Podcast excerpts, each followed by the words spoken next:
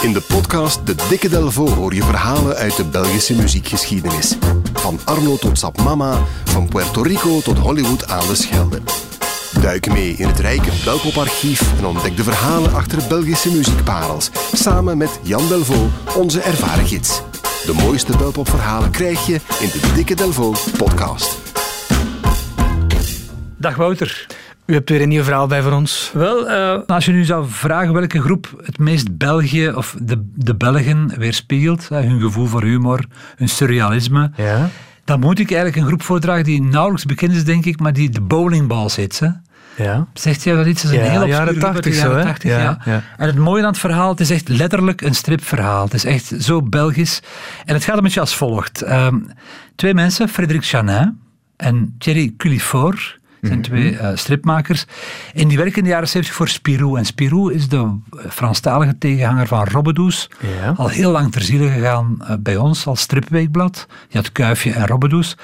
Maar bij onze zuidelijke landgenoten bestaat dat blad nog altijd vandaag, Spiro. Dus zij lezen altijd wekelijks strips. En in 1977 is er een piratenbijlage in, in, in Spiro. Eh, die, heet Le Trombone Illustré.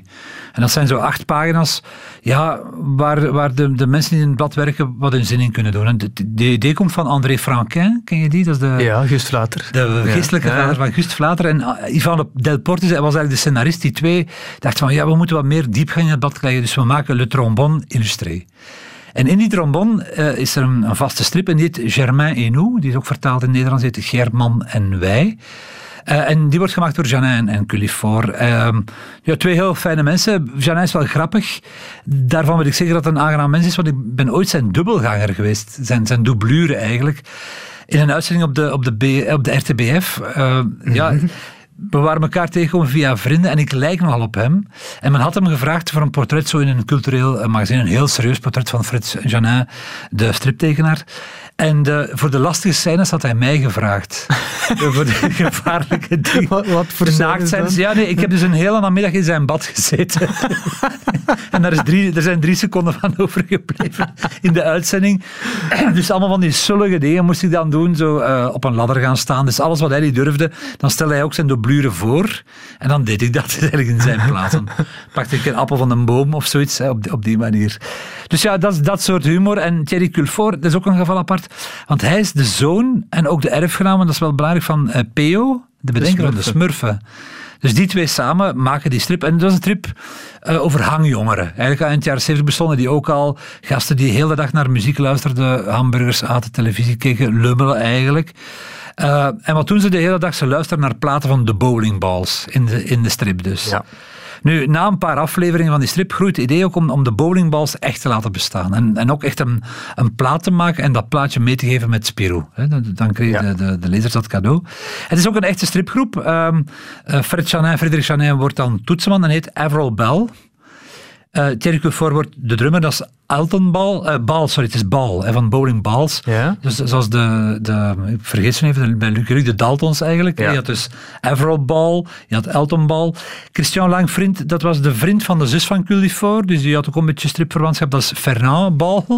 En dan had je ook nog, eh, eh, als laatste had je Billy Ball en dat was Bert eh, Bertrand.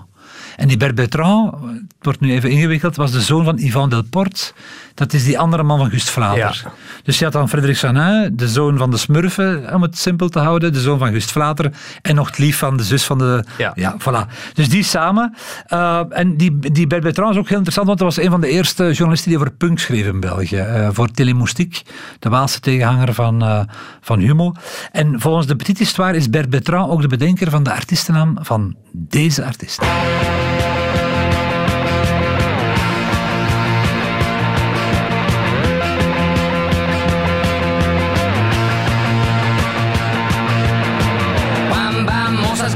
Sur mon lit à bouffer sa langue en buvant trop mon whisky quant à moi peu dormi, vie débris mais j'ai dû dormir dans la gouttière où j'ai eu un flash. En quatre couleurs.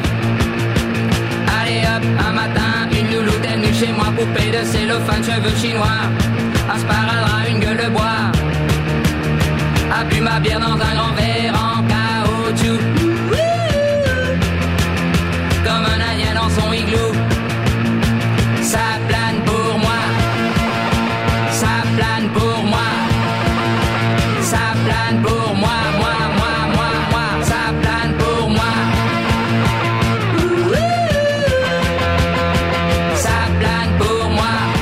Bertrand.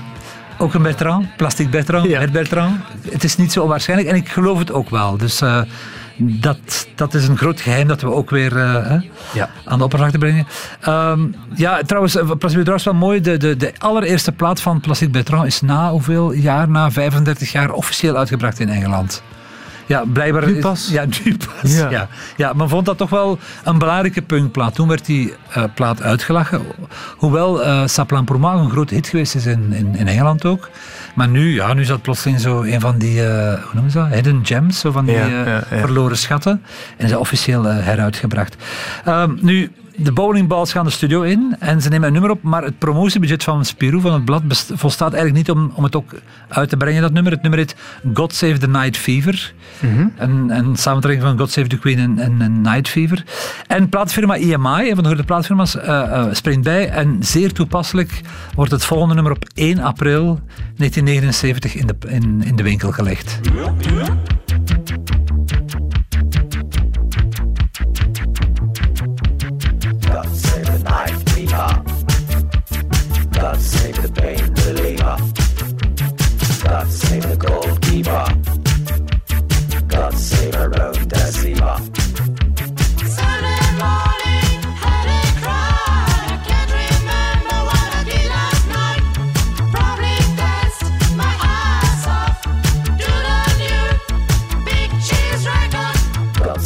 Night fever. God save the pain reliever. God save the goalkeeper. God save our own deceiver.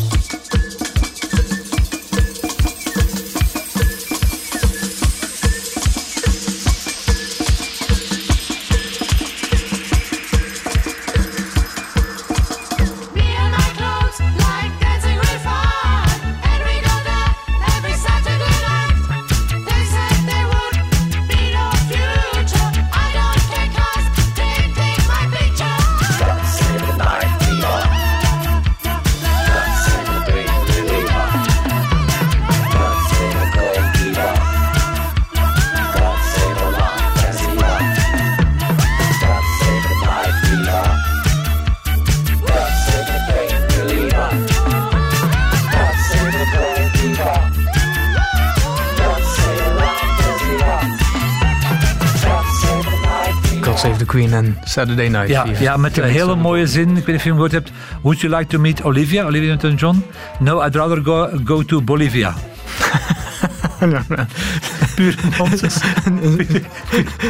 Tekst- Tekstballonnetjes op muziek gezet Ja, eigenlijk. eigenlijk. wel. Ja, ja, pure nonsens. En eh, onder het motto van, ja, om het even wie kan, om het even wat doen. Het zijn de punktijden. En omdat wij om het even wie zijn, doen wij dan ook maar om het even wat. Eh, nog zo'n, misschien nog een prachtig ander omding. The Boy zit dat. En dat is gezongen in een soort van jommeke Spaans. Het klopt van geen kanten. En daar zitten de namen in, heel merkwaardig, van, van Telix Lio. Dat waren toen belangrijke Franstalige groepen. Maar ook Jo Lemeur en Kamagurka zit er ook in.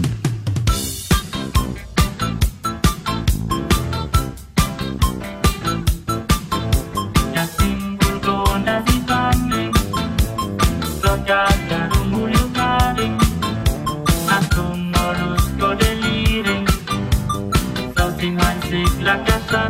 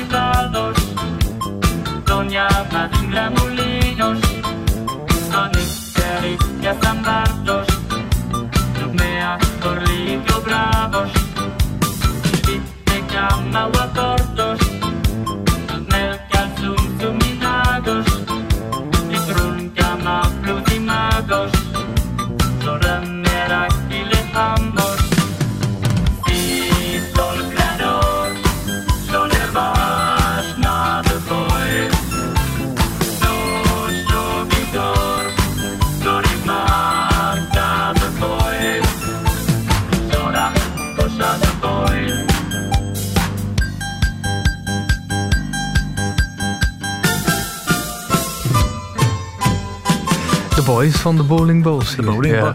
Ja, die bowling, de, de grap ging dan maar verder, hè, want ze hadden dan een plaat gemaakt en dan moesten ze natuurlijk ook live spelen. Nu, het nadeel was dat ze geen enkel instrument konden bespelen. En het voordeel was dat ze alles durfden. En er zijn een paar ja, legendarische concerten geweest. Ze hebben ooit in een zaal vol met punks zijn ze opgekomen in zo, eh, ja, ver- verkleed eigenlijk als industriële schilders in van die overals. Ja. En dan begonnen ze heel dwaas te dansen op, op eh, zo'n soort ja, beatachtige dingen. En dan speelden ze op plastieke instrumenten. Dus ja, die zijn er een paar keer echt van het podium gesmeten en beklapt. Maar dat vonden ze eigenlijk allemaal niet erg. Ze krijgen zowaar zelfs een fanclub. Ze, ze mogen ook op de televisie komen. En dan gebeurt het onwaarschijnlijke. Ze hebben een hit. Dus in 1981 eh, brengen ze You Don't Know What It's Like to Be Alone in the House. Ik denk dat ze dat alleen al hadden gedaan om zo eens een lange songtitel eh, in de hitparade te krijgen. En dat wordt bij hun plaatfirma eh, wordt dat, ja, op twee na, na Leo en Emily Star of zoiets, wordt het de best verkochte single eh, van het jaar. Dit, dit is het nummer.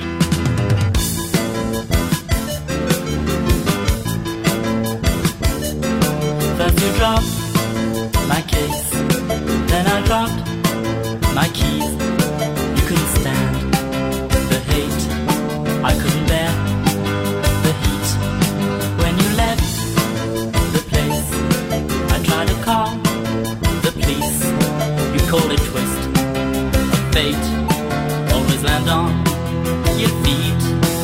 you don't know what it's like to be alone in the house and be waiting for some kind of sign. Like short-sighted lovers making long-distance vows who went wrong somewhere along the line.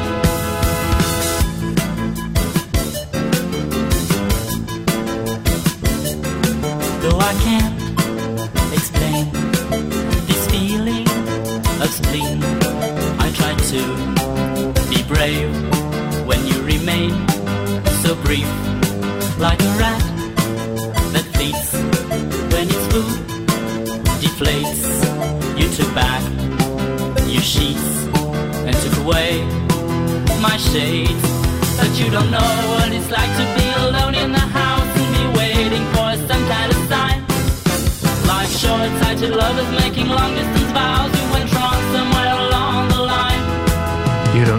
it's like to be alone, Alone in the house. In the house, ja.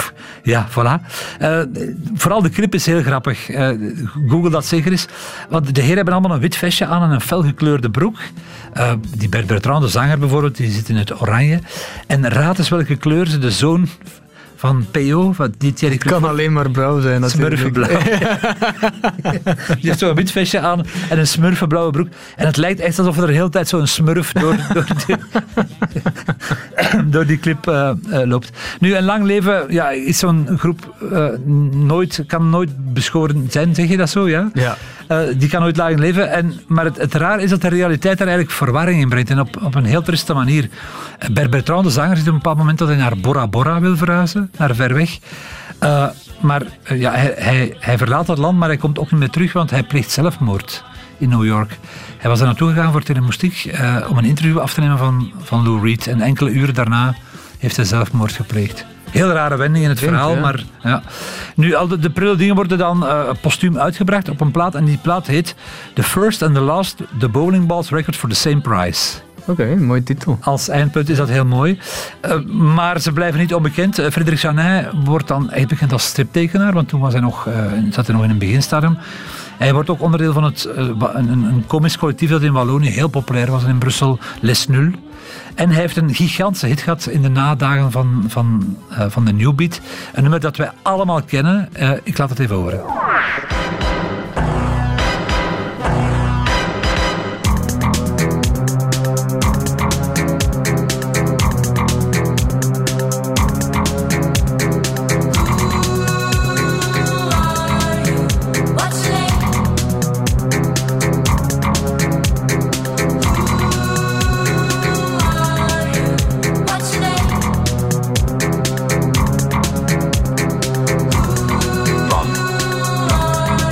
J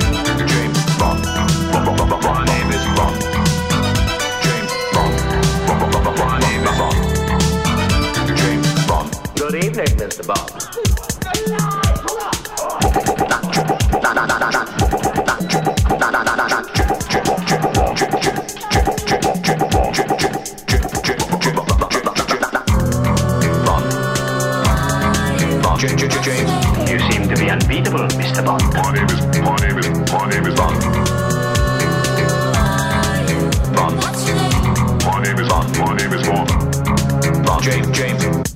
James, how the hell do we get those diamonds down again?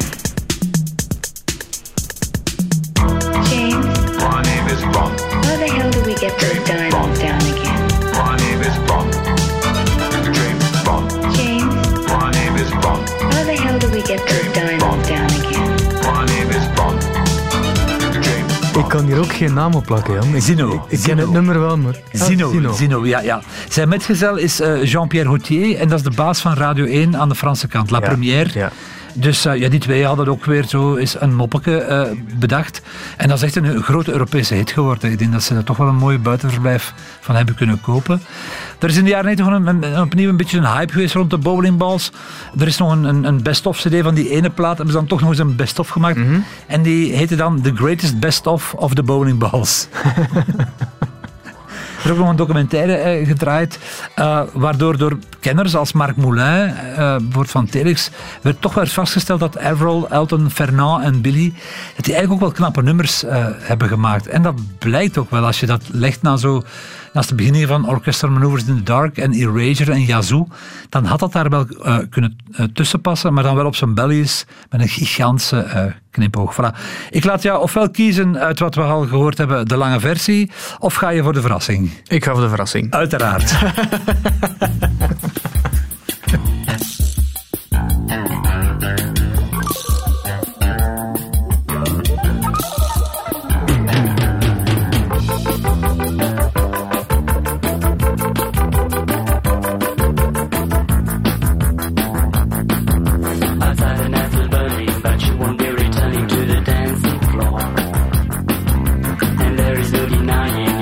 you